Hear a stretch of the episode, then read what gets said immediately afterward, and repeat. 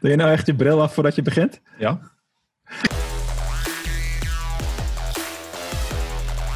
Vandaag zit ik weer met een hele bijzondere gast, Mark de Groot. En hij weet alles van online ondernemen. Hij heeft, zijn passie is marketingstrategie. Dus als je wil dat, jouw uh, dat jouw website heel veel traffic krijgt, dan moet je bij hem wezen. Mark, bedankt dat je hier wilt zijn. Welkom in de uitzending. Ja, dankjewel voor de uitnodiging, uh, Alex. Dat is al lang geleden. Ja, hoe lang, hebben, hoe lang geleden hebben we elkaar uh, gesproken? Voor mij een jaartje of vijf. Ja, ik denk echt 2016 of zo, ja. Klopt wel. Ja, ja, Zeg, er is veel gebeurd in, in het internetland. En juist ook in deze mm -hmm. tijden gaan steeds meer mensen die komen erachter van... oh, wacht, misschien moet ik toch eens een keer online gaan. Ja. Hoe, hoe zie jij dat in deze coronatijd, crisis? Nou, het is meer dwang nu tegenwoordig natuurlijk als uh, van goh, laten we ook eens een keer wat online doen. En ja, voor het online landschap en voor de e-commerce wereld zijn er uh, misschien wel meer winnaars dan verliezers dit jaar, hoe gek dat ook klinkt. Ik bekijk de dingen graag vanuit een positieve inslag. Um, en ja, natuurlijk heb je, je, hebt meer verliezers hè, aan de kant van retail, horeca, noem het allemaal maar op. Heel veel bedrijven hebben het natuurlijk gigantisch zwaar, dat is heel erg. Maar goed, ik focus me dan op de e-commerce bedrijven natuurlijk vooral. En ja, ik heb heel veel klanten gezien waarbij het geen uitzondering is dat omzet een keer vier keer vijf en zelfs een keer keer tien zijn uh, gegaan. Oké. Okay. En ook zo blijven. Het, het, landschap is snel veranderd dit jaar. Ja, ja, ja. en ja. je weet welke spe grote speler erbij is gekomen. Amazon. Ja, ja, dat is duidelijk. Die heeft unlimited geld, dus je kan mega veel verlies leiden. En die is natuurlijk bezig om ja, eigenlijk iedereen uit de markt te knallen. Hoe gaan we nou, in Nederland loopt dat niet zo'n vaart. Dat is, dat is iets wat we wel geleerd hebben dit jaar, denk ik. Oké, okay, dus hier... Ik denk dat de verwachtingen anders waren aan het begin van het jaar als wat, hoe het in de praktijk uitrolt. Oké, okay, want merk je dat, dat er ook ondernemers die zeggen van, weet je wat, ik ga ook het platform van Amazon gebruiken. Of valt het nog mee? Nou, dat wel natuurlijk. Alleen dat heeft niet zozeer de, de grondslag van... hey, Amazon is in Nederland en ze bedreigen Bol en Coolblue... en dat soort gevestigde namen bij ons. Uh, het heeft meer de grondslag van... oh, ik kan nu ook vanuit Nederland met Amazon werken... en laat ik maar eens het uh, pad gaan bewandelen van internationaal verkopen. Um, en voorbereiden op de ja, groei van Amazon... die wel in Nederland gaat plaatsvinden natuurlijk... En ik had een jaar geleden had ik al twee medewerkers in, in dienst die allebei Amazon marketing achtergrond hebben. Dat was meer toeval, want daar zijn ze niet per se voor gehaald. En één jongen daarvan zit er nu nog steeds. En daar hebben we nu wel echt profijt van. We zijn echt een jaar geleden ook al begonnen met voorbereiden op een toenemende vraag naar Amazon marketing. En dat, ik denk dat van alle aanvragen die we nu binnenkrijgen, is de verhouding ja, 70% is voor Amazon uh, marketing en de rest is 30 nog, zeg maar. Ik ga echt een hele, hele, hele, hele intelligente vraag stellen. Wat is Amazon marketing? Zeker, een hele, zeker een hele intelligente vraag. Um, laat ik het uh, een beetje meta proberen te omschrijven. Uh, ik noem alles marketing, omdat we online marketingbureau zijn. Maar in essentie komt erbij zoiets als uh, Amazon veel meer kijken. Het gaat ook over de begeleiding van het opstarten van een account. Over welke stappen je moet zetten, welke documenten je moet aanleveren, problemen waar je tegenaan kan lopen, merkregistratie. Er komt heel veel bij kijken. En ondernemerschap, daarin is één ding is vitaal voor het hebben van een bestaansrecht. Namelijk dat, is, dat je een probleem oplost. En de essentie van Amazon is dat het zoveel gedoe is om zelf daaraan te beginnen. En je loopt tegen zoveel muren op bij Amazon. Het is nodeloos complex. zelfs als je bijvoorbeeld ervaren bent met het opzetten van een account in bol.com. ja, dat is dan echt een, een eitje in vergelijking met waar je tegenaan kan lopen bij Amazon. Maar als je alles weet, is het ook dat simpel. Hè? Dat zeg ik wel eerlijk bij. Het is geen rocket science aan het eind van de dag. Uh, maar er komt gewoon heel veel meer bij kijken. Je hebt veel meer dingen waar, waar het fout kan gaan. Of, of dingen waar, waarbij de processen gewoon raar zijn. Uh, ja, en dat vinden ondernemers vervelend en irritant. En dan besteden ze dat liever uit. Dus, ja, dus uh, heb, je het, heb, je het, over onderne ondernemingen met een bestaand platform. en die, die denken van, weet je wat, laat ik ook op Amazon gaan. Ja, meestal wel. Ja. Meestal. Is, zijn het gewoon Nederlandse bedrijven die een webwinkel hebben. En, en in sommige gevallen ook wel actief zijn op Bol. En wat ik ook hoor is dat bijvoorbeeld een Amazon, die zegt, uh, luister meneer, als u niet tevreden bent, krijgt gewoon uw geld terug. En die doen ja. daar heel makkelijk over. Ja. Schijnt. Ik heb, ik heb oren binnen. ik heb ook onderzoek gedaan. Ja, de, de klant is koning daar, dat klopt wel. Ja. Maar dat geldt voor Bol net zo goed hoor. Daar, is geen, uh, daar is echt geen verschil in, in mijn optiek. Uh, het verschil in, met Amazon is misschien dat de manier waarop het gaat is anders. En ze hebben daar een mega streng rating systeem naar jou als verkoper toe. wat niet rekening houdt bijvoorbeeld met hoe groot jij bent als verkoper. Dus bijvoorbeeld, stel je hebt een nieuw account. En je hebt in de eerste week tien bestellingen of zo. En uh, daarvan zijn er net één of twee waarbij uh, het, pakje een halve dag te laten verstuurd is. Of mensen zijn nog niet vaak intern gewend aan het proces. Oh, wacht, we moeten nu ook Amazon orders verwerken, weet je wel. Nou, dat zie je vaak fout gaan. Uh, dan krijg je gelijk een waarschuwing op je account en nog een keer en je wordt geschorst. Echt dat niveau. Dus Amazon is mega streng aan zijn verkopers. Aan de ene kant. En aan de andere kant inderdaad, ja, lange garantie, geld terugtoestanden. Maar Kijk, als jij gewoon een product levert wat goed is en wat mensen willen hebben, dan gaat er op zich niet zo heel veel meer mis als in normale omstandigheden. Sterker nog, als je Amerikaanse jongens een beetje volgt, dan weet je ook dat je beter uh, 360 dagen geld teruggarantie kunt geven dan 30 dagen. binnen 30 dagen bedenken mensen zich nog wel eens, maar als ze denken ik heb langer, nou, binnen dat jaar vergeten ze dat op een gegeven moment. Ik had laatst wat besteld bij, uh, het was aan die kledingzaak, wat was nou? Dat was ook van uh, binnen 180 dagen. Dus ik zei, ja. ah, ik heb nog wel tijd. En laatst, ja, laatbaar. Dat is wel waar, ja. Dat is echt zo. Het gebeurt gewoon. Ik dacht, ze hebben me. Ja. ik, heb juist, ik heb juist deadlines nodig. Oké, is, er, is er nou voor ondernemers? Hè? Want die gaan dan op Amazon zitten. Mooi groot platform, maar is het geen race naar de bodem? Qua wel. Ja, natuurlijk wel. Steeds minder. Het wordt allemaal commodities. Hoe ga je zelf differentiëren? Nou ja, kijk, dat zijn een aantal verschillende vragen in één eigenlijk. Is het een race to the bottom? Ja, als jij producten verkoopt die ook door anderen worden verkocht. Er is geen, daar is geen spel tussen te krijgen. Er zijn genoeg voorbeelden van gewoon producten van merken, uh, meerdere aanbieders. Uh, er zijn genoeg aanbieders die gewoon marktaandeel willen kopen of te veel voorraad hebben of whatever.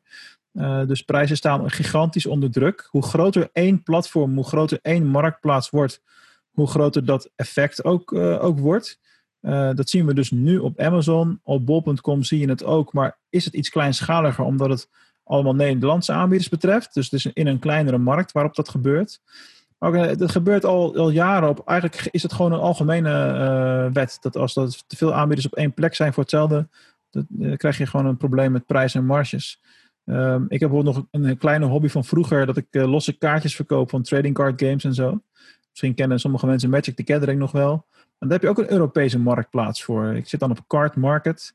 Ja, als je gewoon ziet dat eigenlijk alle kaarten die niet enige zeldzaamheid hebben, die verkoop je voor 2 cent onderhand. Dat was tien jaar geleden ondenkbaar. Dan was de bodem 10 cent of zo. Dus is het, versta is het verstandig dan voor mij als bedrijf om op een Amazon te gaan, waarbij ik me eigenlijk alleen maar kan differentiëren op prijs? Nou, dat hangt van je product af. En eh, in mijn optiek um, moet je het vooral doen als je uh, producten hebt van eigen makelij. Of als jij merkeigenaar bent van een, uh, van een lijn producten, dan kan het ook heel goed. Want als jij merkeigendom kan claimen, krijg je ook weer op Amazon meer rechten om, uh, om dingen te doen. Je hebt, dat heet dan enhanced brand content bijvoorbeeld. Waardoor je meer uh, dingen kwijt kan. Je kunt een storefront rondom een merk bouwen, waardoor je meer op kan vallen, et cetera. Dus daar, dat geeft meer mogelijkheden. maar als je echt zeg maar, goh, ik heb een, bij wijze van spreken een winkel in, nou, kijk eens om me heen, bureaustoelen of zo en ik heb zo'n van tien verschillende merken, ja, dan concurreer je, dan heb je eigenlijk geen unieke eigenschappen. Dat dus dan, zou ik het, dan zou ik het in principe niet doen. Tenminste, op termijn, hè? Korte termijn misschien nog steeds wel. Maar op het moment dat het omslagpunt wordt bereikt, ja, dan je maakt elkaar eigenlijk alleen maar kapot. En Amazon wordt er rijk van aan alle kanten. Ja, dus je krijgt, je krijgt een commissie op de verkoop. Ja, die heeft, loopt nul risico. Eigenlijk. Ja. Ze hebben ze goed voor elkaar. Er was laatst een boek wat uitgekomen. Ik probeer op de titel te komen, wat ik nu ben vergeten. Maar in het boek stond eigenlijk dat de e-commerce, dat er eigenlijk steeds meer uh, ook uh, brick and mortar komt. Vanwege mhm. juist die, het gebrek aan differentiëren. Die race aan de bodem. En dat het juist gaat naar weer vaste locaties. Merk je daar iets van? Nou ja, niet in de dagdagelijkse praktijk, maar wat dat betreft is uh, dit jaar natuurlijk niet bepaald representatief voor de, hoe de dingen zich gaan ontwikkelen. Laten we daar heel eerlijk over zijn. Dat is waar. Ja, ja. Ja, dus uh, alles is zich in een versneld tempo aan het verplaatsen naar, naar online. Kijk, ik doe bijvoorbeeld sinds een jaar uh, of, of zoiets boodschappen bij Picnic regelmatig. online boodschappen app is dat. En ja, ik kon altijd gewoon bestellen en de dag daarna een levering krijgen. Maar toen, toen het begon, zeg maar, moest ik ineens drie weken wachten. Ja, dan houd het gauw op. Is je melk al bedorven? Ja, bij wijze van spreken, hè? Nee, maar ik dat was een beetje kansloos. Ik vond wel, uh, weet je, het is inderdaad zo, hè, van hoe ga je differentiëren? Maar je komt een winkel binnen, je hebt een bepaalde Uh, branding heb je daar, een bepaalde manier van service. Online is alles hetzelfde. Ja. Is het handig om dat dan te doen? Nou ja, kijk, het is meer een kwestie van als je het niet doet, dan, uh, dan, dan, dan kun je net zo goed helemaal stoppen. Het is, het is niet echt een keuze meer, vind ik. En dat klinkt natuurlijk een beetje negatief, omdat het is ook een race to the bottom als je generieke producten verkoopt, ja. uh, die, ieder, die iedereen heeft. Uh, maar dan moet je maar zorgen dat je een uniek aanbod hebt, dat je iets toevoegt aan wat er al is. Ja, maar ik bedoel, je hebt, je, hebt, je hebt een product, hè? Van, maar een groot deel van de branding is niet alleen, dit is, kijk eens, ik heb een telefoon. Dat is helemaal, hè, het is een, nou, dit is een Android dan, maar Vooral Apple doet dat goed. Het is een uh, Apple-telefoon, het, het, is iets, of het is een, uh, een winkel of een bepaalde emotie wat erbij hoort. Daarin zit veel van de branding, veel van de toegevoegde waarde. Alleen vervalt dat bijna allemaal online. Of zeg je, nou, dat weet ik nog net zo niet. Nee, ik zou niet weten waarom dat, uh, waarom dat het geval zou, zou zijn. Um, online heb je gewoon een andere manier van die beleving creëren. en daar zijn platformen dan niet per se een goed middel voor. Eh, meer een noodzakelijk kwaad zou je kunnen zeggen. Ja. Maar uh, ik heb uh, bijvoorbeeld laatst nog, uh, ja, laatst een tijdje geleden schoenen gekocht bij Adidas. En dan bestel je ze op de shop van Adidas zelf. En dan, dan heb ik mijn handle van TGOCNL, wat ik op social media gebruik, heb ik op de schoenen laten drukken. Nou, dat vind ik dan geinig. En dat doet voor mij wel wat in de merkbeleving. En, uh, okay. ja. ja dus ik, ik, zeg gelijk van, wow, wat? Bij deze. ja, nee, dat kan. Dus uh, nee, tuurlijk is dat niet zo. Uh, het, waar mensen zijn, kun je merk creë merkbeleving creëren. En dat, het, vindt nu veel meer plaats door content, door video's, door, door podcasts, door ja, de afbeeldingen die je gebruikt op je site, de sfeer die je neerzet.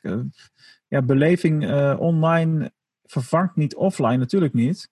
Ja, in de wereld waarin we nu leven is dat wel gewoon iets belangrijker, zeg maar. Nou, dus als je op zo'n groot platform gaat als een Amazon, is dat heel lastig. Want dan heb je gewoon die producten onder elkaar en kies op de goedkoopste.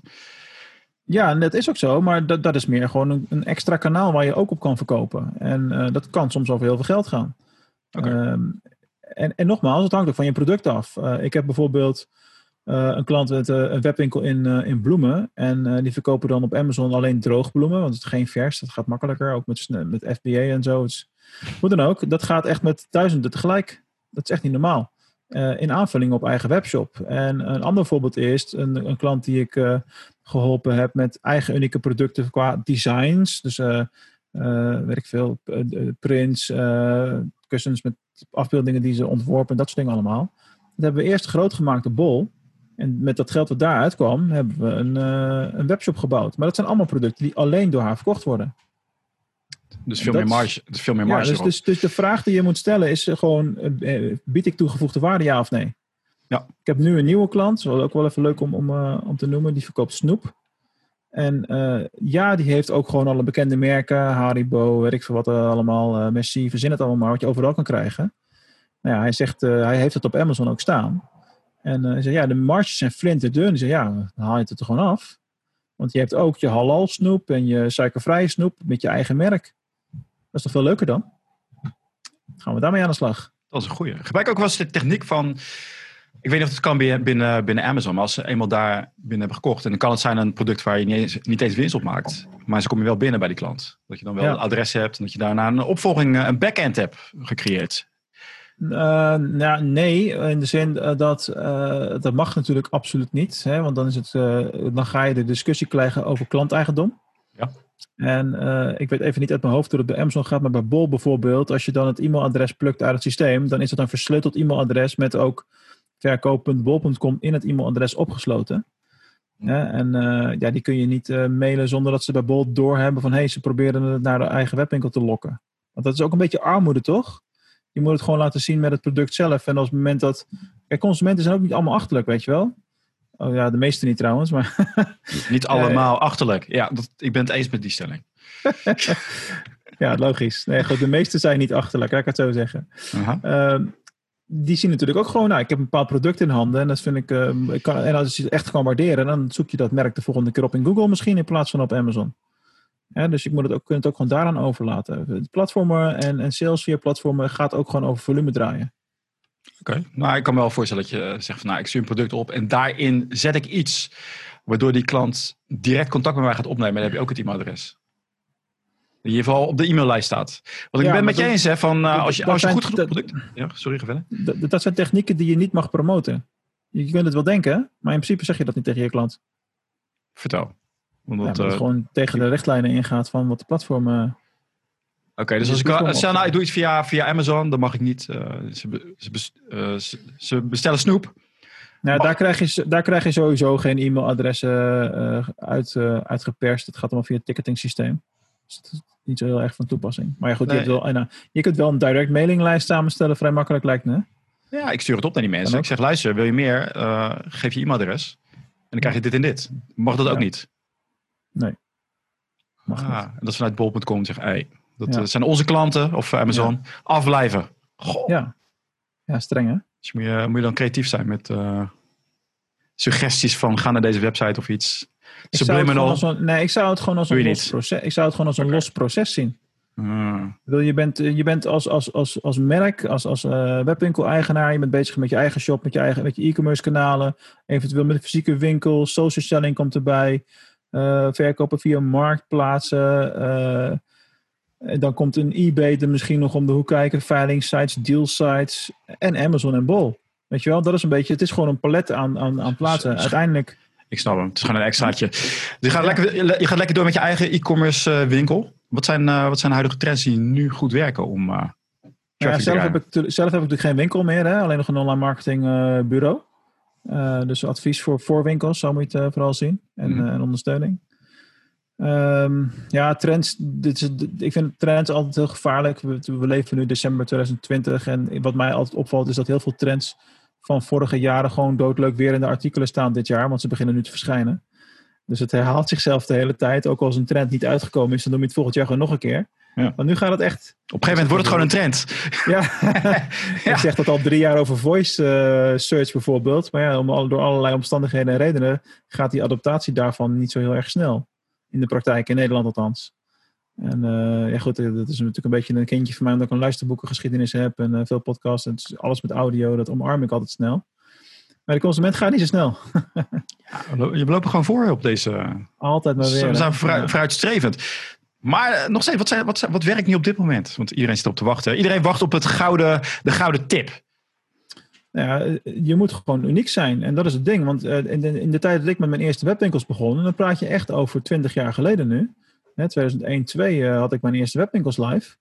En eh, ja, toen was ik gewoon bijna altijd met alles wat ik verkocht de enige in Nederland die dat deed. Weet je wel? En nu is er gewoon niks meer wat je kan bedenken en kan verkopen wat niet iemand anders ook doet. Dus, je, dus het gaat 100% over uniek zijn en iets van waarde toevoegen. Dat is het belangrijkste wat er is nu waarde toevoegen en ervoor zorgen dat mensen daardoor eh ja, fan worden van jou, van jouw webwinkel, van de beleving. Realiseer je dat als je een webwinkel hebt, dat je misschien wel eerst een mediabedrijf bent en daarna pas een webwinkel, eh, zeg maar. Ja, dus maak leuke hele goeie, ja. content. Wat zijn we, enter- wat zijn we eigenlijk entertain. allemaal? We zijn marketeers. Ja, Eigenlijk. Wij, wat, wat wij hier nu doen is ook gewoon puur mediacreatie. Ja, we zijn natuurlijk eh, onszelf helemaal aan het verkopen hier zo in deze. We zijn onszelf aan het branden. Niet verder Ja. vertellen. zijn, eh, zijn, eh, zijn, zijn ondernemers daar be- eh, voldoende bewust van? Of hebben ze nog steeds iets van, ja, maar ik verkoop gewoon snoep.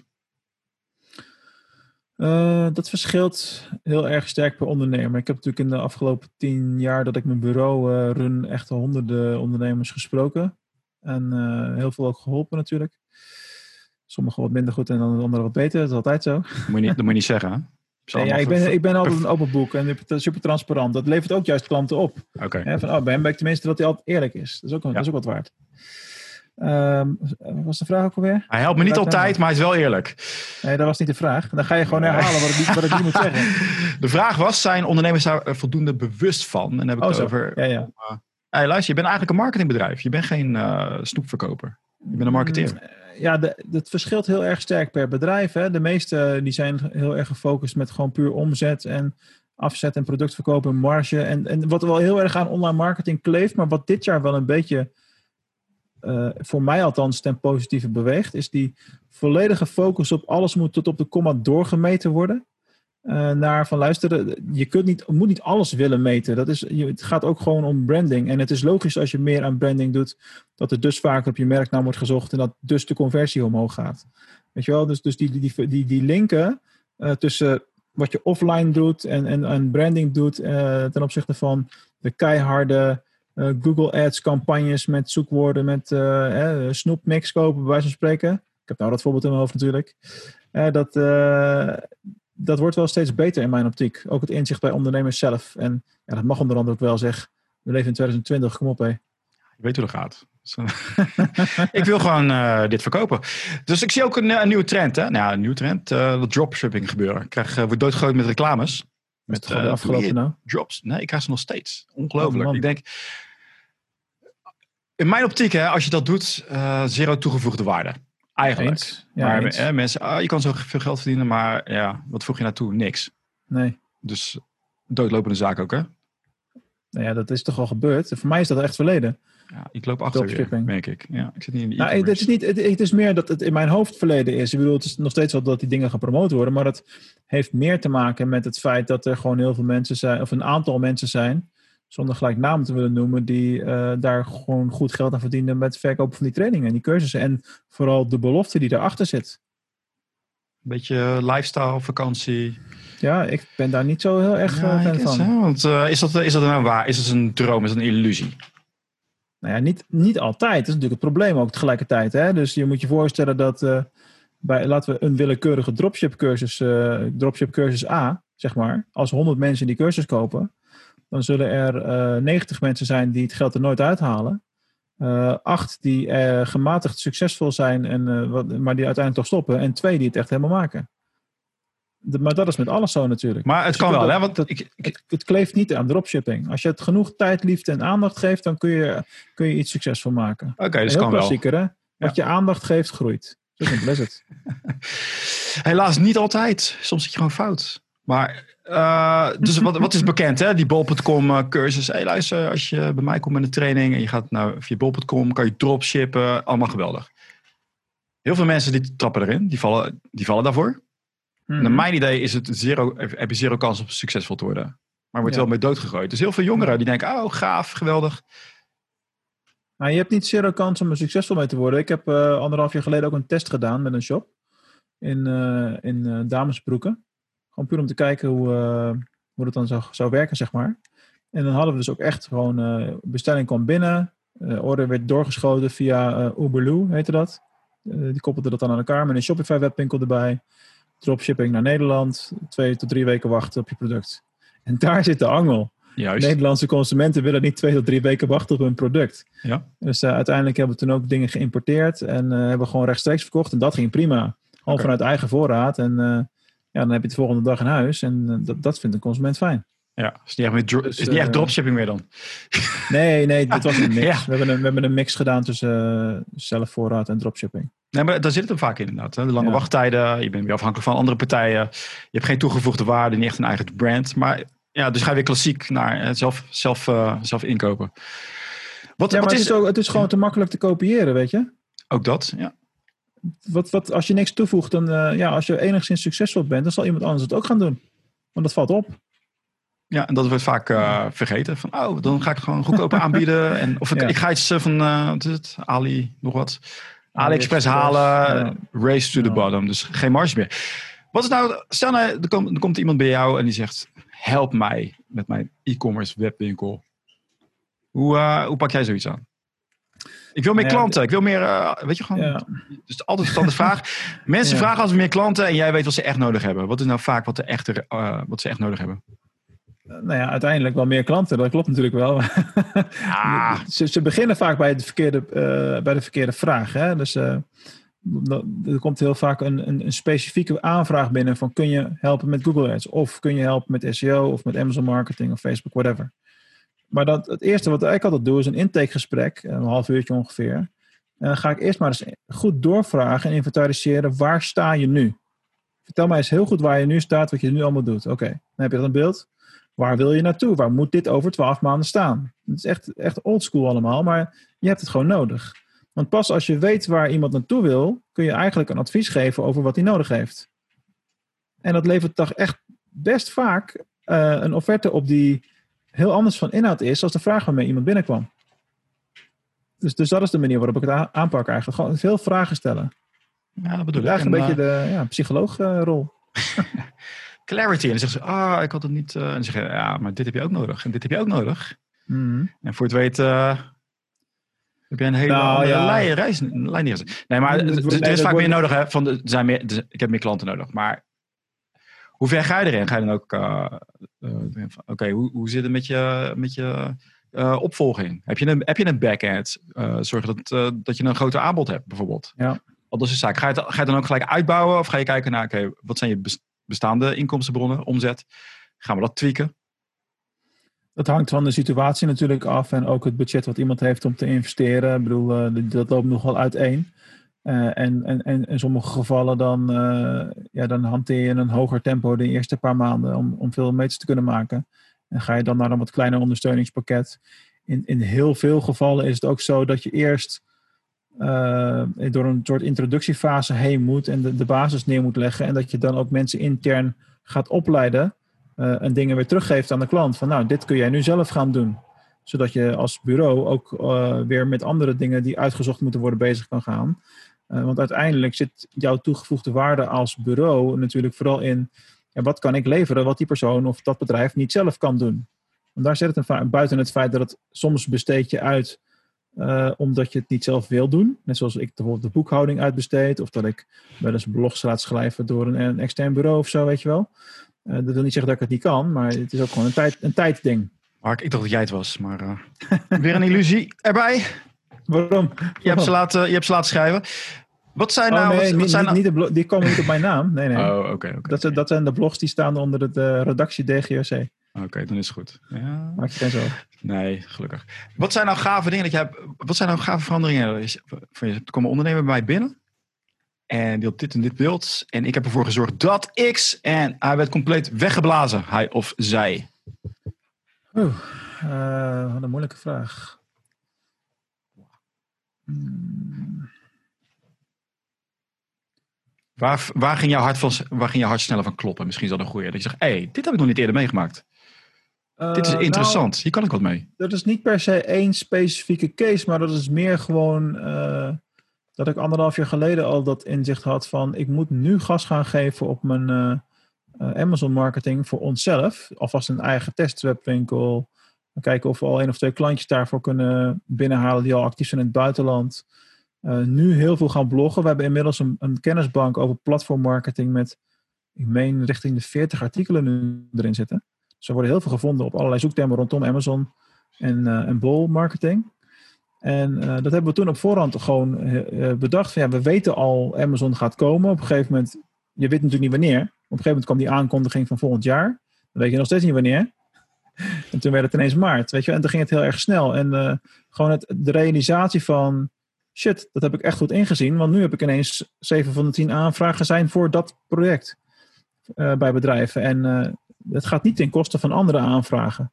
Eh, Procentueel gezien wel, maar het zijn dan allemaal dingen die erbij komen. Dus dat was een. Je was gewoon verbaasd van je visie.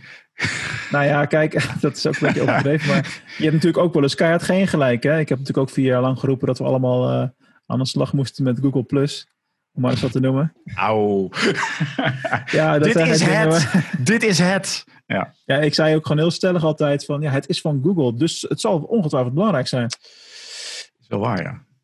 Dus niet, niet gauw, eh, luister, mensen die uh, herinneren zich toch alleen maar de winnaars die je hebt aangewezen. Zeg kijk, dit heb ik gezien. Ja, nee, goed. Amazon Marketing is een heel duidelijk voorbeeld. En, uh, ja, en ook wel de begeleiding dit jaar van, uh, van een van onze grotere klanten in de bloemenwebwinkel. Gewoon heel snel schakelen in die eerste weken van corona. Want het ging echt achterlijk toen. Hè? Het was, dat is echt die, dat is die webwinkel die is gegaan. Uh, in, in de eerste fase. Het is wel een beetje afgezwakt werd daarna naar wat voor nu dan normaal is, zou ik maar zeggen. En nu zitten ze weer in de, in de lift.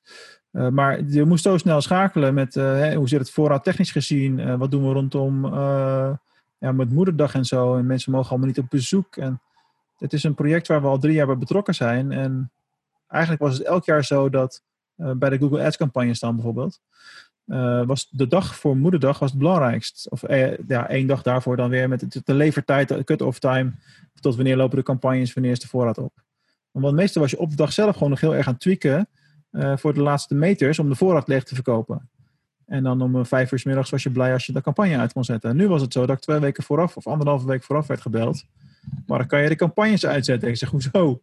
Nou, we zitten over capaciteit als we zo doorgaan, dus dat kan niet.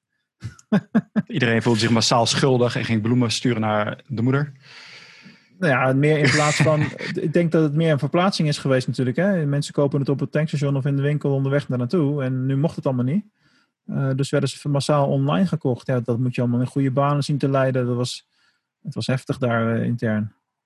Zijn ze er een beetje overheen gekomen? Ja, dat gaat fantastisch daar. Oké. Okay. Ja, wat, duidelijk. wat, zijn, wat zijn nog meer uh, leuke klanten waar je iets over kan vertellen? Van, waar je zegt, van, dit is echt opmerkelijk. Ja, misschien nieuwe inzichten ook met Google. En uh, misschien hebben ze social media gebruikt op een aparte manier. Het is altijd wel leuk om uh, nieuwe inzichten te krijgen. ja, ik probeer het altijd een beetje neutraal te doen zonder namen te noemen natuurlijk. Want je mag, met die vraag. En, mag helemaal. Reclame maken mag ook uiteraard. Niks mis Ja, oké. Okay, maar goed je moet, je moet dat dingen ook altijd bij, bij je klanten navragen, wat je wel niet mag gebruiken. Dan blijft altijd een dingetje. Luister, als zij weten dat ze op de High Impact podcast komen, wat, denk, wat denk jij nou? Dat is niet zomaar, hè? dat is een eer. Dus, uh, ja, daar heb je helemaal gelijk in. Ja, dus uh, laat je niet tegenhouden. Um, Hoef geen namen te noemen, maar misschien ook inzicht of iets van, nou, dit hebben ze op zo'n manier gedaan. Of misschien een eigenwijze ondernemer die zei, nee, ik wil het echt zo hebben. En je dacht, nou, dat werkt niet. En toch heeft het geholpen. Nou, dat is, dat is de andere kant van de medaille. Als een ondernemer heel eigenwijs is en iets echt niet wil. En dat, dat moet je ook accepteren als, uh, als adviseurende persoon, zeg maar. Dat als een klant niet naar je adviezen luistert en structureel dat niet doet en daar ook nog een reden voor heeft in zijn hoofd, dan moet je ook zelf, dat is misschien ook wel een leuk inzicht trouwens, heb je wel eens een klant ontslagen. Je zegt, ja, wat, je hebt knuffelklanten, je hebt klote klanten. Volgens mij komt er van Jos Burgers bijvoorbeeld. weet, ik niet, weet niet eens zeker hoor. Ik heb het ergens vandaan, ik heb het niet zelf bedacht. Maar de klote klanten heb ik echt wel ontslagen op een gegeven moment, steeds meer. En die heb ik, die heb ik nu niet meer. Waarom? Je zegt van, uh, je zegt van uh, joh, ik vind dat je dit moet doen. En ze nee, doe ik niet. Je zegt, oké, okay, is goed, maar uh, hier is de factuur. Nee, dan, dan zou je het alleen voor het geld doen. Die fase ben ik wel een beetje voorbij, man. Oh, oké. Okay. Ja, ze krijgen een goed gevoel, toch? Van, ze bij de adviseur zijn ze geweest. Nee, maar kijk, uh, goh, hoe leg ik het nou goed uit? Ik heb er bewust voor gekozen om een kleinschalig bureau te runnen. Een paar mensen werken veel met freelancers op specifieke uh, expertises. En ik ben voor de helft van mijn tijd ook nog eens uh, aan het docentschap verbonden bij de Fontes Hogeschool. Hoofdzakelijk in Eindhoven, maar tegenwoordig sinds corona natuurlijk hoofdzakelijk gewoon weer op mijn eigen kantoor. En dat is een beetje vreemd, maar dat is nou eenmaal zo. Dus ik ben eigenlijk al een jaar of anderhalf, twee in een fase waarbij ik ook onder andere vanuit de lessen die ik van Michael Pilatschik heb gehad met uh, Leef je mooiste leven. Ik leef op die manier. Ik probeer elke dag zo in te delen dat ik uh, gewoon blij word van de meeste dingen die ik mag doen. Kijk, zo'n interview als dit, dat doe ik niet omdat het moet, dat doe ik omdat ik het leuk vind. En uh, dat is een hele andere drijfveer. En uh, mijn ervaring is tot nu toe, als je veel van de dingen uh, doet die je leuk vindt om te doen, dan komt het succes daar en het geld dus ook erachteraan hobbelen. Dat is heel gek misschien, maar sinds ik niet meer focus op geld, maak ik meer winst. Eens aan. Mooie, mooie, mooie lessen, dat is zeker waar. Ja. ja. En uh, ja, even eerlijk zeggen, je, je, had gewoon genoeg omzet om dat ook te kunnen doen, hè? dus dat scheelt. Ja, nee, ja, dat is, dat is logisch. Kijk, uh, daar hoeven we helemaal niet ingewikkeld over te doen. Ik ben natuurlijk al tien jaar bezig en in de eerste vier, vijf jaar kon ik me dat soort acties natuurlijk helemaal niet permitteren. Dat is, dat is ook zo. Hoe voelt dat nou? Hoe voelt dat nou? Kan, ik kan me meenemen erin van. Je zegt, oké, luister, daar is de deur. Ja, dat voelt wel lekker eigenlijk. Hoe heb je dat, eh, vertel, hoe heb je dat gedaan? Je hoeft geen namen te doen, maar ik vind het wel een leuk verhaal. Nou ja, kijk, hoe gaat uh, je probeert, je, je plant een gesprek in met, uh, ik heb het dan twee of drie keer gedaan, je plant een gesprek in. En in dit geval is het dan meestal op Zoom of zo, zoals wij nu ook praten. En dan ga je eerst gewoon je probeert gewoon de resultaten van de laatste tijd door te nemen. Je laat doorschemeren dat je er zelf al niet heel erg happy mee bent. Maar dat je ook dan al 30, 40 keer hebt aangegeven. Hè, van als jullie op die knop drukken, dan, hebben, dan help je ons daarmee en dan kunnen wij ons werk beter doen. En uh, dat zijn meestal ook klanten die zelf dan al niet meer tevreden zijn over wat wij doen. En dan, dan is het altijd vrij makkelijk om naar een einde toe te praten. Van, joh, uh, voor mij voelt het niet helemaal goed die kant ga ik altijd een beetje oppraten. Het resultaat is ook niet helemaal lekker. Misschien kunnen we beter uh, een andere weg kiezen. Ja, het ligt, het, gewoon, het ligt, niet aan jou, probeert, het, ligt, het, ligt, aan mij. Ja, je probeert altijd een zachte landing te geven, toch? Tuurlijk. Ik zou het wel leuk vinden als partijen die bij ons willen stoppen, dat ook naar mij toe zouden doen. Maar dat is weer een heel ander verhaal. Oh, is, ja, zijn ze, zijn ze een beetje uh, alles afschuiven op jou en dan... Uh, ja, maar dat is, no dat is normaal, uh, Alex. Dat is inherent aan het hebben van een communicatie- of marketingbureau. Want jij bent extern en is het dus is het veilig om ook dingen bij jou neer te leggen als iets niet goed gaat. En kijk, ik heb dat van de tien keer dat ik dat meemaak, als, als je de schuld van iets krijgt, ik ga altijd analyseren. Ik ben een heel analytisch persoon. Ga kijken, oké, heeft die jongen of vrouw, heeft hij recht van spreken? Klopt het wat hij zegt? En ik, ik ben wel eens verbaasd over dat acht van de tien keer als ik het analyseer, kom ik tot de conclusie dat er dingen gebeurd zijn buiten onze cirkel van invloed. En als ik dat dan later aan die klant weer uitleg, van kijk, wat ik zie is dit en dit, dit is gebeurd. En dan zegt 9 van de 10, oh ja, sorry, en uh, ik had gewoon een slechte dag, of mijn vrouw dit, of whatever. Dit is zo waar wat je nu zegt. Je bent gewoon een uitlaatklep. Dit is, zo, dit, is zo, dit is zo waar, dan krijg je het horen en dan... Uh, ik neem dat soort dingen ook niet persoonlijk meer. Want het is echt zo op, het, op het moment zelf. Ja, dit, dat, dan, dan hoor ik eigenlijk dat uh, die, die, die onvrede, die interne onvrede met. Uh, zo, je hebt echt een, misschien een crappy leven op dit moment. Ja, ja. En later, inderdaad, als je een uitleg van. Uh, ja, ik heb er zelf over nagedacht. Ik weet niet of je het ook altijd zo brengt, maar dat doe ik dan wel. ik heb even goed gekeken naar, weet je wel. Dat doet me altijd wel. ja, ik vind het wel belangrijk dat ik goede service geef. Wat ook zo is. Ja. En ik heb dit en dit gezien. En dan kom je, iemand kom je die persoon tegen in een hele andere frame of mind. Weet je wel, we zijn niet allemaal hetzelfde de hele dag door. Of, uh, weet je wel, ja, je kan van dag tot dag verschillen. Dat, dat, vind ik echt leuk, leuk wat je nu zegt. Dat is, zo dat is ook, maar dat werkt toch in alle facetten in het leven zo uh, door. Als je thuis een keertje ruzie hebt met je partner, dan is het ook meestal verstandig om even weg te lopen. Ja, of naar buiten. Ik heb ook wel eens dat ik uh, verkeerd reageer en denk van... Waarom, waarom ik ga nu even een rondje met de hond. Oh. Waarom, waarom deed ik eigenlijk zo? Weet je wel? Dan is alsof je opeens iemand anders bent. Ja, ja, ik snap het wel. Ja, dat is wel bijzonder. Maar um, ik had nog eentje gehoord van, ken je Dan Kennedy toevallig? Nee. Nou, dat is een uh, marketeer uit Amerika. Die is, zijn frame is dat hij heel, ze doet zichzelf voor, voor, als een Norse man. En hij gaf aan, dan heb ik wel eens een klant en die geef ik een prijs, een offerte. En dat doe ik dan een paar duizend euro bovenop. Want dan zegt van, ik heb het idee dat, dat, we, dat, het lastig samen, dat we lastig gaan samenwerken. Oké. Okay. mocht het niet zo zijn, dan wordt het verrekend. En op die manier, dus ik weet niet of, oh, echt, ik weet niet of hij dat echt heeft gedaan, maar ik vind het wel leuk hoor. Ik denk niet dat je daar in Nederland mee wegkomt. Want dat is wel een beetje het dingetje wat je in Nederland uh, veel gezien hebt, moet ik zeggen. Dat uh, Nederlandse goeroes toch ook wel gewoon uh, naar Amerika kijken, dat kopiëren en Nederland sausje geven. Ik heb wel het idee dat dat iets minder aan het worden is. Dat we toch wel iets meer gewoon van onszelf durven uit te gaan allemaal. Ja, doe maar gewoon. Nou, ik vond, ik vond het wel leuker. Gaf het nou, als je dat doet. en iemand zegt, en iemand is dan nog steeds dankbaar van, ja, dankjewel dat ik bij jou mag. Zoiets. Ja, die maar gaat dat, is wel, keurig dat is wel, uh, dat is wel echt een probleem hoor. Ik zal niet de letterlijke naam noemen, maar als je goed luistert kun je het misschien ontcijferen. Ik heb laatst nog eens een training gekocht bij een collega, zeg maar. En uh, gewoon een basistraining van 100 euro. En ik verkoop ook uh, de online marketing leergang. dus ook voor deze editie was hij ook 100 euro. Die wordt volgend jaar wordt die wat duurder, want we gaan de, het programma een beetje veranderen en wat intensiever maken. Hoe dan ook. Uh, in, in die training van mij is het 12 keer uh, live online les, drie docenten en ik geef ook nog een boek van een collega van mij cadeau. Het is een heel compleet verhaal, eigenlijk is het belachelijk goedkoop. Ja. De training die ik van mijn collega heb gekocht, zit uh, ook iets van vier of vijf lessen, maar dat zijn allemaal opgenomen webinars. Maar je moet echt op een specifiek tijdstip kijken. Je krijgt geen replay, je krijgt geen opname, geen on-demand. En die ging van alles fout. Alles was geautomatiseerd. Dat is op zich prima. Maar blijkbaar begint die trainingscyclus gewoon elke maand een keertje opnieuw. Maar ik kreeg eerst een mail met registreer voor de eerste training. Uh, en er zat geen link in. En de tweede mail, er stond een, een, starttijd van 10 uur. En dan bleek het in de praktijk het half tien te zijn. Dan was er geen geluid. Nou, ik was echt helemaal klaar mee. En de klantenservice was ook heel erg onvriendelijk naar mij. Dan denk ik van ja, die persoon die daarachter zit uiteindelijk die dat verkoopt. Die heb ik ook persoonlijk geïnformeerd. Althans, ik dacht dat het persoonlijk was, maar toen bleek achter zijn persoonlijke LinkedIn-profiel ook nog zitten. een assistent te zitten. Zo irritant.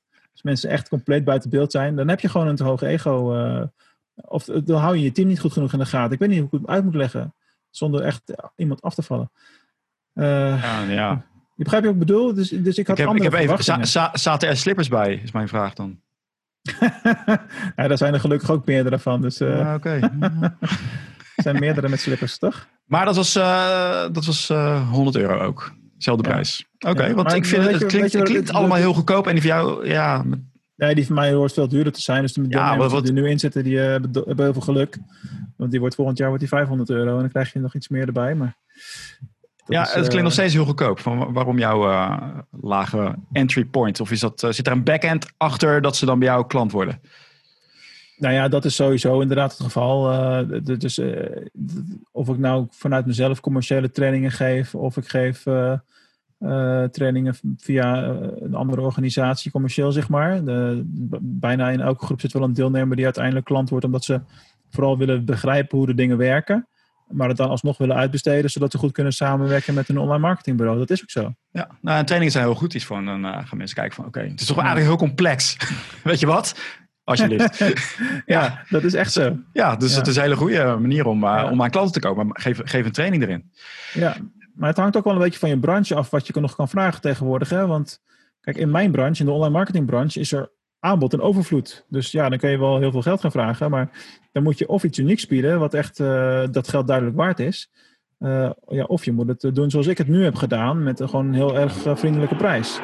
En dan krijg je wel veel deelnemers, dus dat is op zich wel heel erg tof natuurlijk. Maar goed, tegelijkertijd heb je natuurlijk allerlei trainingen die gratis worden gegeven. Ja, zeg het maar. Keuze Ja, is reuze. Heel makkelijk. hè. Als je gratis training neemt, dan is de kans dat je hem doet bijna niet heel.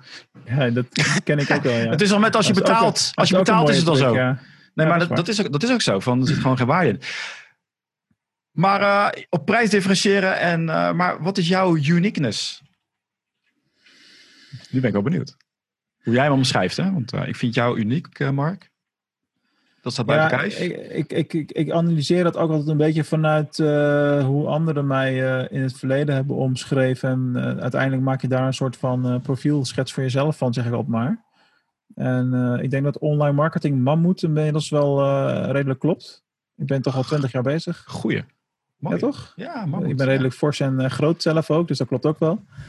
En eh mammoet in de zin van oud. En dat valt wel mee. Ik ben pas 39, maar eh, Jonkie. ik doe al wel 20 jaar mee, weet je wel. Ja, en, ja. Op een gegeven moment, en, en dat is gewoon een groot voordeel ten opzichte van heel veel van de andere online marketeers waar je nu mee te maken krijgt, die minder ervaring hebben. Die hebben gewoon niet alle, allerlei dingen doorlopen eh, waar je uit kan graven. Kijk, als er nu iets nieuws komt, zoals TikTok, daar ben ik dan een paar maanden helemaal in het verdiepen. Dan snap ik hoe het werkt en dan kan ik erin adviseren in de basis. En eh, ja, god, ik heb nog met Hives en met MySpace eh, gewerkt. En eh, de tijd voor Facebook en voor Google Ads. En die ervaring neem je toch allemaal mee. Het is een cliché natuurlijk, maar veel ervaring in deze branche is op dit moment nog een USP. Want de branche is nog maar 20 jaar oud, 25 jaar oud. Daarvoor was het er gewoon niet. Ja, dus Simpel. wat zijn, heb jij nou een aantal funnels ook gemaakt? Want je hebt al die ervaring dat, dat, dat echt jouw percentages echt mega zijn. Qua wat Ja, er doorheen klopt. gaat. Ja, Nou, dat hangt er een beetje vanaf of je een front-end of een back-end funnel bedoelt. Kijk, bij een front-end funnel, je ziet natuurlijk ook gewoon dat het, het aanbod continu verandert en dat mensen steeds meer dingen gewend zijn. Ik heb bijvoorbeeld front-ends gehad met, eh, met e-books van mij over e-commerce of eh, eh, bijvoorbeeld wat ik nu nog heb lopen, 90 dagen om omzet in je webwinkel te verdubbelen. Die staat op succesmetecommerce.nl. Kun je nog steeds downloaden. En die had in de eerste maanden had hij een conversie. Dan heb ik het gewoon over de download hè, van het gratis e-book. Conversie van 50%. Maar daarachter begint het pas interessant te worden. Hè? Want eh, daar kun je dus advertenties op gaan draaien. Maar dan ga je natuurlijk een beetje die blueprint eh, gebruiken van oké, hoe kan ik ervoor zorgen dat ik adverteer en dat redelijk kostenneutraal doe. Dus dat betekent dat er weer een automatisch eh, proces achter komt te liggen. Als iemand zo'n gratis download doet, stuur ik ze ook altijd naar een bedankt pagina waar ze een van de trainingen voor een paar tientjes kunnen kopen. Dus eh, bijvoorbeeld, eh, dat, is ook wel leuk om te vertellen, op Succes met e-commerce, daar hebben we het helemaal niet over gehad, heb ik inmiddels al meer dan 90 video's eh, met trainingen over succes. volgens mij op Bol, op Amazon, met Google Ads, webwinkel marketing cursus. Er zit echt heel veel in tegenwoordig. Nou, dan geef ik dus een, een one-time deal, hè, dus een one-time offer, die ken je wel, van... De bucket offer. Ja. Volgens mij is het ClickFunnels die dat ook zo noemt. Hoe dan ook. eh, dus dat doe je. En dan vervolgens een e-mailproces daarachter met eh tien weken lang eh, mailtjes over eh, van alles en nog wat, wat relevant is voor dat onderwerp. En daar zit je dan ook af en toe wat. Dan moet je ook gewoon elke keer een sale moment in creëren en een aanbodmoment. En eh, ja, daarmee eh, krijg je de bal van land rollen natuurlijk. Heb je al eens geëxperimenteerd met, eh, met die e-books om die te koop aan te bieden? Eh, want hè, het is allemaal Ja, gratis dat download. Ja, ik Ja, doe- nee, dat, dat hoe, doe ik eh, wel. Vertel. Hoe, eh, nou, als je dat e-book downloadt van eh, de 90 dagen uh, webwinkel verdubbelen, omzet verdubbelen, dat zeg maar. Uh, dan krijg je een bedankt pagina waarbij je één training kan kopen. En dan is er een, een kassakoopje upsell met een e-book over de drie grootste geheimen van marketplaces. Ja, maar ik bedoel zelfs die eerste zelfs al. Van, je hebt de opt-in, sales mhm. page, met wat ze gaan krijgen. Maar dat het meteen al de eerste al een verkoop is. En daarna ook nog eens een keer een upsell en downsell. Waarom? Dan creëer je meteen kopers. En het zijn mensen die, uh, je krijgt minder opt-ins, uiteraard. Alleen de mensen die kopen zijn al in jouw systeem. Dus zijn al gelijk uh, clients. En ze lezen de, de, ja, weet je wat is met die gratis? Niemand leest het, heb ik het idee. En dan ja, uh, wijs ik naar mezelf, hè? Wijs ik naar mezelf. Ik heb, ik heb, het, ik heb het half gedaan, zou je kunnen zeggen. Want ik heb twee varianten qua landingspagina's voor die 90 dagen, zeg maar, dat e-boekje. Eén is gewoon uh, naam, e-mail invullen en je bent er doorheen. En die andere is de winkelwagen. En dan reken je het product voor 0 euro af. Ja. Dus sla je uiteindelijk de betaling wel over, maar je hebt wel dat proces een keer doorlopen. Hoe gaat die? Ja, die doet het beter. Dat is heel grappig eigenlijk. Als mijn originele landingspagina. Okay. Is dat, hè? En heb je gekeken naar als je een bedrag opzet? Ook al is maar een Nee, ja, dat, je ben ik mij nu op het idee om dat een keer te testen. Ik bedoel, uh, waarom niet? Oké, okay, kijk, zie, heb je gewoon een paar dingetjes uh, laten zien. Ja, toch? Ja. Ik zie al een factuurtje aankomen. ja, dit is uh, priceless. Coaching, Dit is mijn, voor, ja, mijn frontend. Nee, maar dat is wel interessant, hè? Want het, het is soms een hype. Ja, alles gratis, gratis, gratis. Maar ja, wat gebeurt er dan mee? Weet je wel? Allemaal, uh, heb, je, heb, je liever mensen, heb je liever mensen die al, uh, al jouw cliënt zijn? Of alleen maar die even langskomen? Want uh, track jij dat ook? Kan je dat tracken van bijvoorbeeld die e-mail of die geopend wordt, of dat jouw e-book, ook gedownload wordt. En wat zie, je, wat zie jij daarin? Ja, die percentages zijn heel laag bij gratis producten. Dat is echt niet normaal. Dat is nou. echt onder de, dat is onder de 10%. Grappig hè? Dus- ja, ja, ja, ja, maar ja, Daarom, kijk, Naar je, kijk naar jezelf. Uh, ja, je, je ziet wel eens wat voorbij komen. Weet, weet je hoeveel gratis e-books ik heb? ja, dat is, uh, maar hoeveel heb je er gelezen? Handen, ja, bijna niks. Dat is echt maar Eigenlijk, eigenlijk doe je jezelf er tekort mee, want er is ongetwijfeld veel waardevolle informatie in staan. Ja, maar ik vind dat een, een, goede verkoper die weet dat ik moet betalen daarvoor. Dus die doet mij tekort. Dus ik, ik, ik externaliseer even de schuld, hè? Ja, is, is het, is, het is ook zo, maar het is zelfs met, uh, met boeken. Ik heb ook nog een groot aantal boeken die ik ook nog niet gelezen heb. Dus de informa het zit hem niet in de informatie. Ik vind dat een deel van de verkoop is ook het uh, zorgen dat jouw uh, cliënten zich het ook gaan toepassen. Ja. Hoort er ook bij. En dus ik ga experimenteren met het, met het bedrag. Ik ben geïnteresseerd hoe dat, hoe dat gaat lopen. 7 euro was magisch. Getal 7. dat is de ouderwetse techniek, techniek, man. Is het echt zo of is het gewoon... Ja, dat... het klopt wel, maar het is natuurlijk gewoon het internationale geluksgetal, weet je wel. Is dat het? Is dat de reden? Ja, dat is de reden, ja. Oké. Okay. Jordini, jij moet 7 Wist doen. je dat niet? Ja, ik wist wel uit vandaan. Weet je, in de neuromarketing hebben ze het getest. Maar ik denk, ja. waarom, waarom 7? Maar ja, het is een internationaal ja, geluksgetal dus. Ja, ik heb ook uh, pakketjes die uh, 397, 497, dat is allemaal heel klassiek. Het schijnt ook dat ronde getallen, dus het is 100 euro in plaats van 99 euro, dat het veel beter werkt. Heb je daar mee geëxperimenteerd? Um, even denken. Nee, ik denk het niet, want die training die ik voor 100 euro verkoop, heb ik dan voor 97. Maar ja, in, laat weer, ik het zo weer, zeggen, een, weer een tip. Weer een tip. Nee, ja, kijk, ik heb het wel eens, ik, ik heb het wel eens gedaan, denk ik. Maar ik heb nu, uh, maar niet per se voor mezelf. Ik heb uh, producten die je online kunt afrekenen, zoals losse trainingen of een abonnement op. Uh, want van het Succes met e-commerce platform kun je ook lid worden natuurlijk. Hè? Een jaarabonnement. Uh, dat heb ik allemaal lopen. Maar daarnaast heb je natuurlijk ook gewoon de offerte trajecten. En daarin werk ik soms met 99 op het eind en soms met een rond getal. Met naar gelang waar ik denk dat die gast op gaat reageren. Maar heb je het al verkocht of nog niet? Kom je echt met de offerte van dit is het bedrag? Of uh, heb je het van tevoren al verkocht en dan dit is de, de factuur, is meer, de offerte is meer de na? Nee, nee, nee. nee de offerte is bij ons, het offerteproces is altijd van na het intakegesprek. Dan weet ik wat ik nodig heb om een offerte op maat te kunnen maken voor iemand. Ja. En dan, uh, ja, meestal is het gewoon eens bij elkaar rapen van de elementen die hij nodig heeft. En dan is het ook echt uh, opsturen en wat wel zo is, maar dat is bij de meeste partijen denk ik zo uh, het wordt of snel getekend of niet. Het komt zelden voor dat iemand die dan na een week zegt: Ja, ik heb het gezien en bedankt en ik kom erop terug. Ja. Dan weet ik al, nou, deze schrijf ik alvast af. Of ik moet er achteraan willen gaan, maar dat hangt er dus vanaf hoe vol de agenda al is, of ik dat wel of niet doe.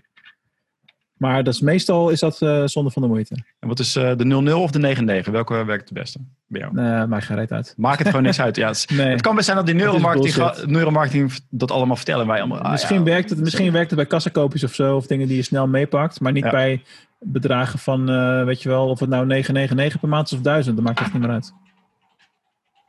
Ja, leuk. En dan gaan we ons allemaal daarop focussen. In plaats van uh, echte content, echte waarde leveren. Dus ik ben daar helemaal niet meer mee, ik ben daar helemaal niet mee bezig. je bent, ge, je bent geëvolueerd. Je, zie, je, bent, je, je bent next level ben je nu. Ja, ik weet het niet, maar uh, ik ben daar wel voorbij. Ik ben die dingen waar je het allemaal over hebt, jongen. Dat zijn allemaal dingen waar ik vier, vijf jaar geleden heel veel mee bezig was. Ja.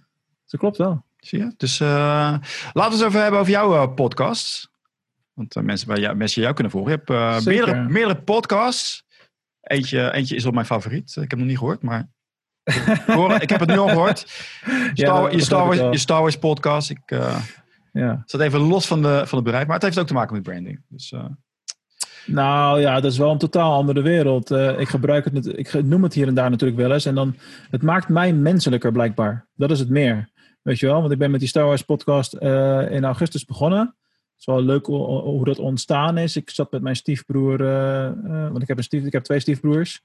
En uh, met een daarvan zat ik dus op een, bij een vakantiehuisje bij mijn vader. Was ik gewoon een dag op bezoek en hij was er toevallig ook. En ik was vergeten dat ik hem twee of drie jaar daarvoor een hele doos met Star Wars boek had meegegeven. En dat je, nou, dat wil ik wel lezen. Nou, oké. Ik heb ze toch maar alleen maar staan. En had hij dus allemaal gelezen, weet je wel. En we waren iets van drie of vier uur over Star Wars aan het kletsen. Ja, voor sommige mensen haken nu compleet af bij een podcast, dat begrijp ik ook wel. Maar, dat begrijp ik dus helemaal niet. Maar ga verder. ja, het gaat over Star Wars ineens. En uh, op een gegeven moment zei ik, uh, ik ben dan wel zo'n zo gek hier natuurlijk, van joh, als we dit zo lang doen en we vinden het leuk om met elkaar hierover te praten, dat kunnen we ook opnemen en een beetje structureren. Nou, dat vond hij hartstikke leuk. Toen bleek ook dat hij een, een jaartje bij uh, Schagen FM radio had gemaakt. Dat wist ik niet eens. Dus, dus de link naar Klets op de radio en in dat soort formaat was ook niet nieuw voor hem. Zo gezegd, zo gedaan. En we zijn begonnen met de negen films. Dus aflevering 1 tot 9 van de Star Wars podcast is echt uh, ja, chronologische volgorde. Zeg ik er voor jou als fan even bij. Dus van Phantom Menace tot aan Rise of Skywalker. Dat is niet de chronologische volgorde. Nee, maar dat is daarna... Dat, Begin ja, bij een nieuwe hoop. Maar ja. dat is voor een ander moment. Oké. en ja. uh, daarnaast uit de hand gelopen. We hebben vrij snel uh, aansluiting gevonden met een aantal andere ja, bekendere fans in het land in de zin van dat ze ook platformen hebben. En we, hebben nu, eh, we zijn nu met z'n drieën. Uh, ik, Quentin, mijn stiefbroer en Ramon van Star Wars Awakens is erbij gekomen. En nu hebben we zelfs ook regelmatig ook gewoon gasten van andere shows en zo die uh, aanhaken. We gaan live op Facebook elke zondagavond. Uh, en ja, het is tof. Ja, ik heb ja, nu voor nou, de tweede keer een prijsvraag gelopen. Dat is wel leuk trouwens, als je het dan hebt over opt-ins en marketing. Uh, ga maar eens een e-boekje over online marketing weggeven en uh, kijk dan eens naar je conversiepercentages. Uh, maar ik, geef, ik ben nu met de tweede Star Wars prijsvraag bezig. Ik geef nu de Lego Boba Fett helm weg in januari. En in de eerste vier dagen zijn er al bijna 200 mensen die zich hebben aangemeld. Ja, ja, dus kijk, Star Wars betaal nog geen, uh, betaal Star... geen 20 cent per e-mailadres. Niet dat ik daar commercieel iets mee ga doen, maar meer gewoon om mensen op de hoogte te houden van de show. Maar het is gewoon grappig om te zien. Die mensen kunnen dat, dat soort, uh, dat, Ja, natuurlijk. En dat soort dingen hebben uiteindelijk... Uh, is het gewoon veel makkelijker als iets wat zakelijk is of droog. Ja, maar, ja, maar Star Wars fans, weet je, een onderwerp, je moet een passie bij hebben. Kijk, Star Wars voor mij is voor mij wel de beste, coolste film ooit, alle tijden. Dus ik was wel afgehaakt met die laatste films, maar door jou ben ik weer van, ja, je gaf me hoop. Een nieuwe hoop ja. gaf je mij. Ja. Van het gaat toch nog goed komen, maar dit leeft hebben mensen. Het is passie. Dus als je het hebt over branding en hoe ben je uniek, dit draagt zeker bij. Los van, uh, oh, uh, laat iets van jezelf ja, Dit, nou ja, dit dat, passie. Ik denk gelijk, coole gast die Mark. Dacht passie, ik, al, ja, nou, dat is, ik heb dus een PSje in mijn e-mail gedaan. Ik weet niet of je dat ook wel eens doet als, als techniek. Als ik, elke keer als ik iets nieuws te melden heb, dan maak ik een nieuwe PS. En dat vergeet je dan weer en na drie maanden verander je weer eens een keer. Ja. Dus in mijn PS staat nu, in mijn, in mijn gewoon de e-mails met klanten en zo, van joh, PS, wist je dat ik ook sinds kort een Star Wars podcast heb met mijn broer? En ja, Barempel, van de twintig klanten waren er drie of vier. Jeetje, wat leuk, ik ben ook fan en bla bla bla. En dat weet je helemaal niet van elkaar normaal gesproken. Ja, dat, daar geniet ik dan van. Ja, daar hebben we het gewoon niet over. Dat is, uh, Star, dat is privé. Nee, maar dat, je, hebt nog meer, je hebt meerdere podcasts. Ja, ja natuurlijk heb ik ook uh, nog steeds lat. Mark onderneemt. Hè, daar ben jij ook ooit te gast in uh, geweest. Maar toen heette dat nog, de, het is ingewikkeld, toen heette dat nog de marketing on, on marketing podcast. Toen ik nog haar en zo, geen baard. Ja. ja ik niet. Ik was al ik tien jaar geleden ook al... Uh, keep, it, keep it real, ja. ja. Nou, nog over een half jaar, dames en heren, dan zit Alex gewoon elke keer met zijn bril op, want dan is hij eraan gewend. Mark vond dat ik een. dat ik dat ik eigenlijk mijn bril op moet zetten. En ik, Niks mis mee. Ja, ik vind het toch zonde. Ja, weet niet. Maar ik draag hem ook niet, hè, mijn bril. Alleen voor het lezen, dus. Oké, okay, oké. Okay. Ja, dat is anders. Ja, dat is een beetje anders. Maar gewoon, wees, wees jezelf, ook met bril. Er is niks mis mee. Maar je hebt, ik heb uh, dus, Mark, uh, ik heb dus Mark, Mark Onderneemt staat echt centraal interviews met ondernemers. Die verder gaan dan alleen online marketing. Dus dan, dan plaats ik ze daar. En, en ook gewoon af en toe neem ik een podcast op over mijn, onder, mijn eigen avonturen als ondernemer. Of inzichten die ik heb, dat soort zaken. Gemiddeld één keer per twee weken, twee keer per maand een uitzending. En de andere podcast is uh, de, ja, die, eigenlijk de, terugkeer van de klassieker waar ik ooit mee begon in 2014, 2015, de DGOC Online Marketing Podcast. En uh, want dat was dus eerst één show op een gegeven moment, à la Gary Vee, die ook gewoon alles in één feed propt. Maar voor mij voelde dat niet goed, ik wilde dat toch splitsen. Dus ik heb een jaar geleden heb ik die twee uit elkaar gehaald en is de DGOC Online Marketing Podcast in eer hersteld. En daar heb ik het natuurlijk alleen maar over allerlei dingen rondom online marketing. Okay. En uh, sta je achter je keuze om het te splitsen? Want ik zie er meerdere die het ook op één hoop gooien. Zoals uh, Grant Cardone bijvoorbeeld, heeft ook al zijn shows ja. in één feed geknald. Ja, klopt. Um, ja, ik sta erachter. Voor mij voelde ik, ik had het ooit apart. Uh, of nee, ik had, het, ik had eerst alleen de online marketing show. Toen kwam Mark Onderneemt erbij. En toen dacht ik, ja, het is niet per definitie zo dat iedereen die iets over online marketing wil horen, ook over algemeen ondernemerschap wil, uh, wil horen. Voor mij zijn dat toch twee verschillende werelden. En uh, ik, voor mij voelt het gewoon goed zo. Ja, en of het dan marketing technisch gezien het slimste is of whatever, I don't care man. Ik doe gewoon wat goed voelt voor mij. Ik zie al dat jij echt een mega omzet hebt. Dat, dat voel ik gewoon in jou. of is dat die Pelagic invloed? Ik, heb, ik, ik, zit gewoon op het niveau dat ik gewoon tevreden ben en me niet druk hoef te maken. Als het nou de, de pleuris uitbreekt, dan hoef ik een, een, een half jaar niks. Uh, ja, hij heeft, gewoon, hij heeft gewoon heel veel geld. Oké, okay, je hebt nog een uh, DGOC. Uh, ja, mag, mag, mag ik toch zeggen. Maar dat is veel geld dan, Alex. Want ik bedoel, het gaat echt niet over miljoenen bij mij, weet je wel. Ik vind, je moet de vraag stellen, wat wil jij in het leven? En ik zit gewoon op een plek waar ik gewoon happy ben, waar ik ben. En dan, ik, ik heb het huis gekocht wat ik wilde hebben. Uh, ik heb een leuk gezin met twee kinderen waar ik elke dag van kan genieten. Ik doe qua werk precies wat ik wil. Het enige wat ik nog wil veranderen is dat ik uh, die 20 kilo die ik de afgelopen 10 jaar heb aangeplakt, dat ik die weer wegsport. Ik zie er dat niks van. Dat, ik zie er helemaal niks van. Ik zat verstopt. Is ook heel, ik zat te denken, waarom zit jij zo laag? Maar dat komt daardoor. Laag, dat, komt gewoon door die, dat komt gewoon hier door die camera. Oké, oké, oké. Daar heb ik helemaal geen invloed op. Dus dat komt, dat komt allemaal wel. Dus ja, uh, DGOC-website heb je en de laatste, de, vergeet wie de naam?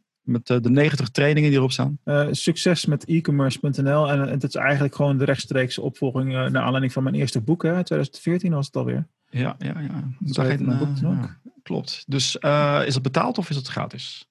er is een, een, proeflidmaatschap gratis. Je wordt natuurlijk ge, getriggerd om een betaald lidmaatschap te pakken. Dat is logisch. Je kan niet anders dan gewoon lid worden. Ja. En je hebt een belachelijk goedkope training staan voor e-commerce. Waarvan je zelf zegt, die gaat ook een prijs omhoog.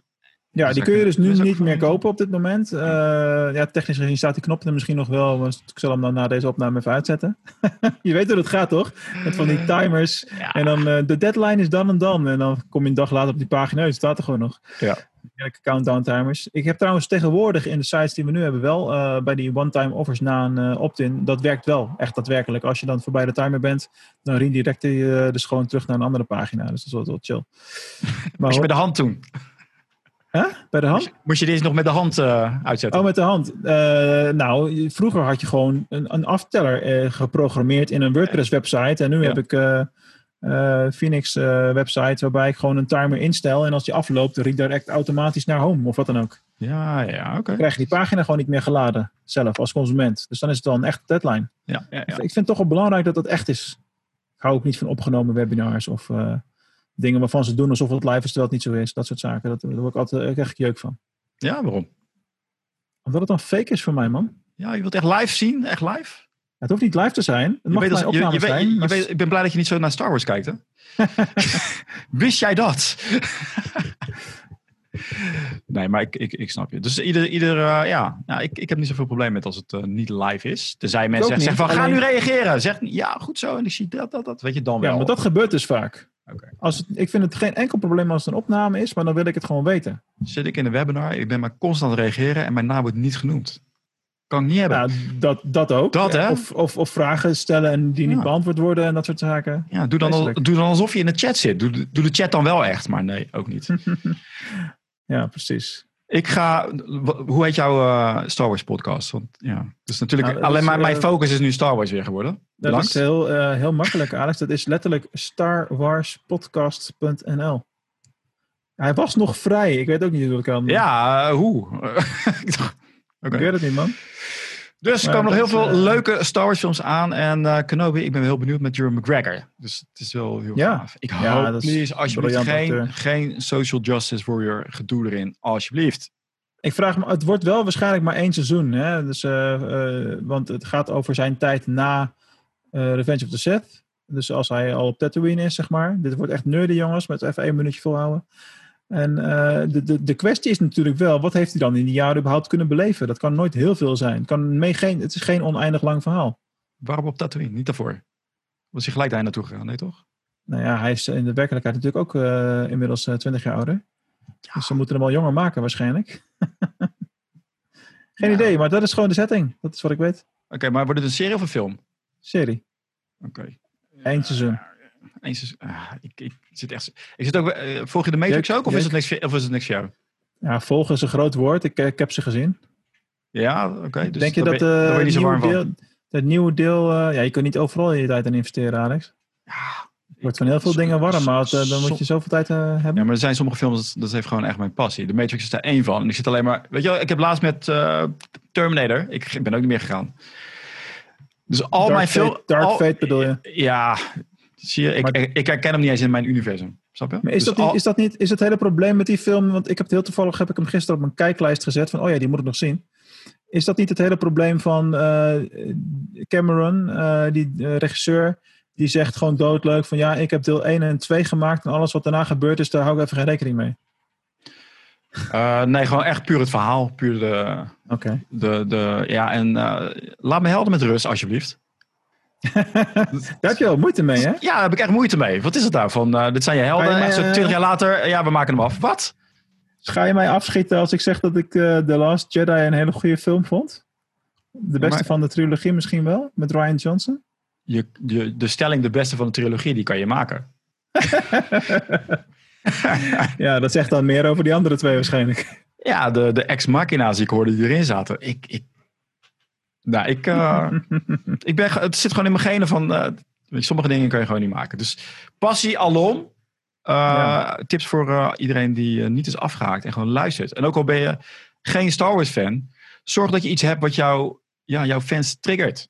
Iedereen, je heeft, een- iedereen heeft een passie. Ga, daarop, ga het erover hebben. Dat is het ding. En dat is misschien ook wel waarom ik goed in jouw show pas misschien wel. Want ik, ik leef gewoon volgens die principes. Ik, ik, ik kijk niet meer naar wat wil de wereld van me. Wat wordt er van me verwacht? Eh, moet ik, waar moet ik me aan conformeren?